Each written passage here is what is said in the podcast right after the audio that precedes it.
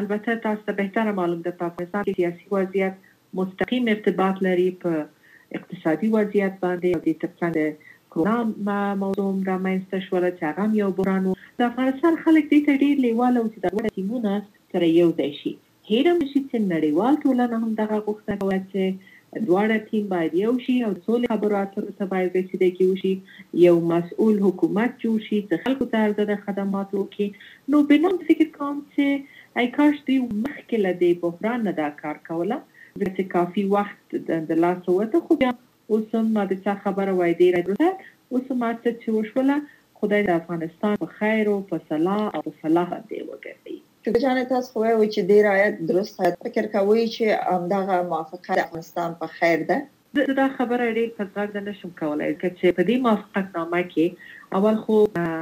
څو ځایونه دي چې د افغانستان د اساسي قانون سره په ټکر کې راځي دا یو او بل دا ویش وبخښئ کېدای شي واضح کړئ کومې برخې دي چې د افغانستان اساسي قانون سره په ټکر کې راځي؟ مثلا یو یو بل مصلحت د پاره یا مشورې د پاره یو شورا جوړیدل دا بیا ولسمشر ته وړاندیزونه کوي الان چې مونږ پارلمان لرو د افغانستان ولسي جرګه ده د افغانستان مشران جرګه دا د قانون کې نه دی راغلی دغه او قانوني ځای به معلومي د دې ترڅنګ ویش چې کوم اعلان شوی مثلا د حکومت اجرایي بخش کې وېش پنځوس فیصده او د دې تر څنګ په قضایه قوه کې وېش، عدلي او قضایي ارګانونو کې وېش، زه فکر کوم دغه رقم وېش د افغانستان نظام لپاره د ګټې په ځای تاوان ډېر رسوي، ځکه چې موږ باید نظام جوړ کړو او دا نظام جوړونه په دې مانا باندې نه ده چې هر څوک چې په سیاسي ډلو ټپلو باندي هغی دی راشی قضایه قوه زمونږ مستقله قوه ده د افغانستان اساسی قانون پر بنسټ باندی او که چیرته دا سیاسی کیږی دا بیا جنجال جوړوی ددی تر څنګ زه فکر کوم چه بله ستره موضوع کیدای شی خدای دی وکړی د اما تشویش غلطی خو کیدای شی امکان ولری د سولی په پروسه کی هم د ولسمشر اشرف غني یو نظري یا بېل نظري او دې خوا ته چې دا صلاحیت واک ډاکټر صاحب عبدالله ته ورکول کېږي، کېدای شي د هغوی بېل نظري. د سولې په بحث کې تل داخلي سیاسي جنجال ته ګوته نیول کېدله چې که چېرته زموږ اوس چې دغه سیاسي جنجال تر یو حده پورې حل وګڼل شو یعنې موافقه وشوه، په دې کې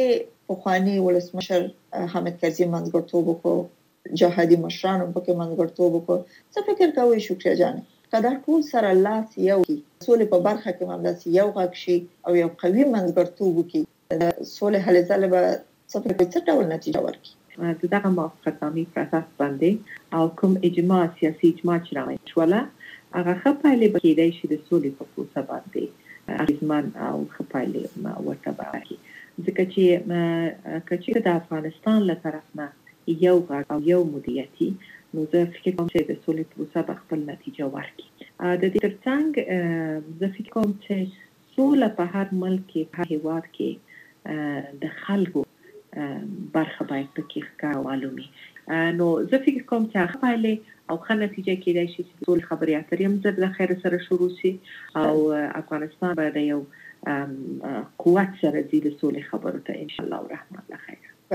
یوه ویره یا اندیښنه دا ده چې د یو کلتور په توګه هر پنځه کاله به داسې ونې شي چې نتایج به اعلانیږي، یو جنجال به رامنځته کیږي، یوه ډله به پاڅیږي او د حکومت او سیاسیونو ترمنځ به داسې لانجې روانې لکه دا اوس. همدغه مشکل ته په کتو راتلونکي پنځه کاله تاسې څنګه ګورئ؟ راتلونکي پنځه کال په افغانستان کې ډیر سیاسي او ټولنیز تحولات راځي. اول دا به وي چې انشاالله د سولې پروسه به کار وکړي او د سولې پروسې سره طبیعي خبره ده چې نوی انتخابات به ترسره کیږي، د انتخاباتو اصلاح لپاره نوی میکانیزم ورته پکار دی، د قانون نه نیولې تر سیستمه پورې چې هر څه باید په هغه کې بدل شي. خوال یې دا دی چې پنځه کاله روسته نن نه بیا ډاکټر صاحب اشرف غني نشي کولای چې ځان کاندید کړي. او همدارنګه زه فکر نه کوم چې بیا بل ولسمشر یا حداقل بل کاندید وغواړي چې ډاکټر صاحب عبدالله جانو سره په همدغه رقم مصلحتي نظام باندې چې د دوه زره څوارلسم نه نیولې تر ننه او دې نه وروسته جوړ شوی دی بیا ورته غاړه کیدي نو زما خوشبیني بل انتخاباتو لپاره ډیره ده ځکه چې په هغه کې کیدای شي رقابت به هم ډیر زیاتی سید خلکو اعتبار د انتخابات پروسې نه کم شوی دی مګر عرب خانۍ تیروتنې څه شی وي هغې لپاره باید د حل لاره پیدا شي خلک بیداره شوي تر هغو پورې چې اصلاحات رامنځته نه شي زه فکر نه کوم چې موږ وتوانیو چې یو روند انتخابات ولرو زه فکر کوم راتلونکي پنځه کال ډیر زیات سیاسي تحولات به په افغانستان کې راځي.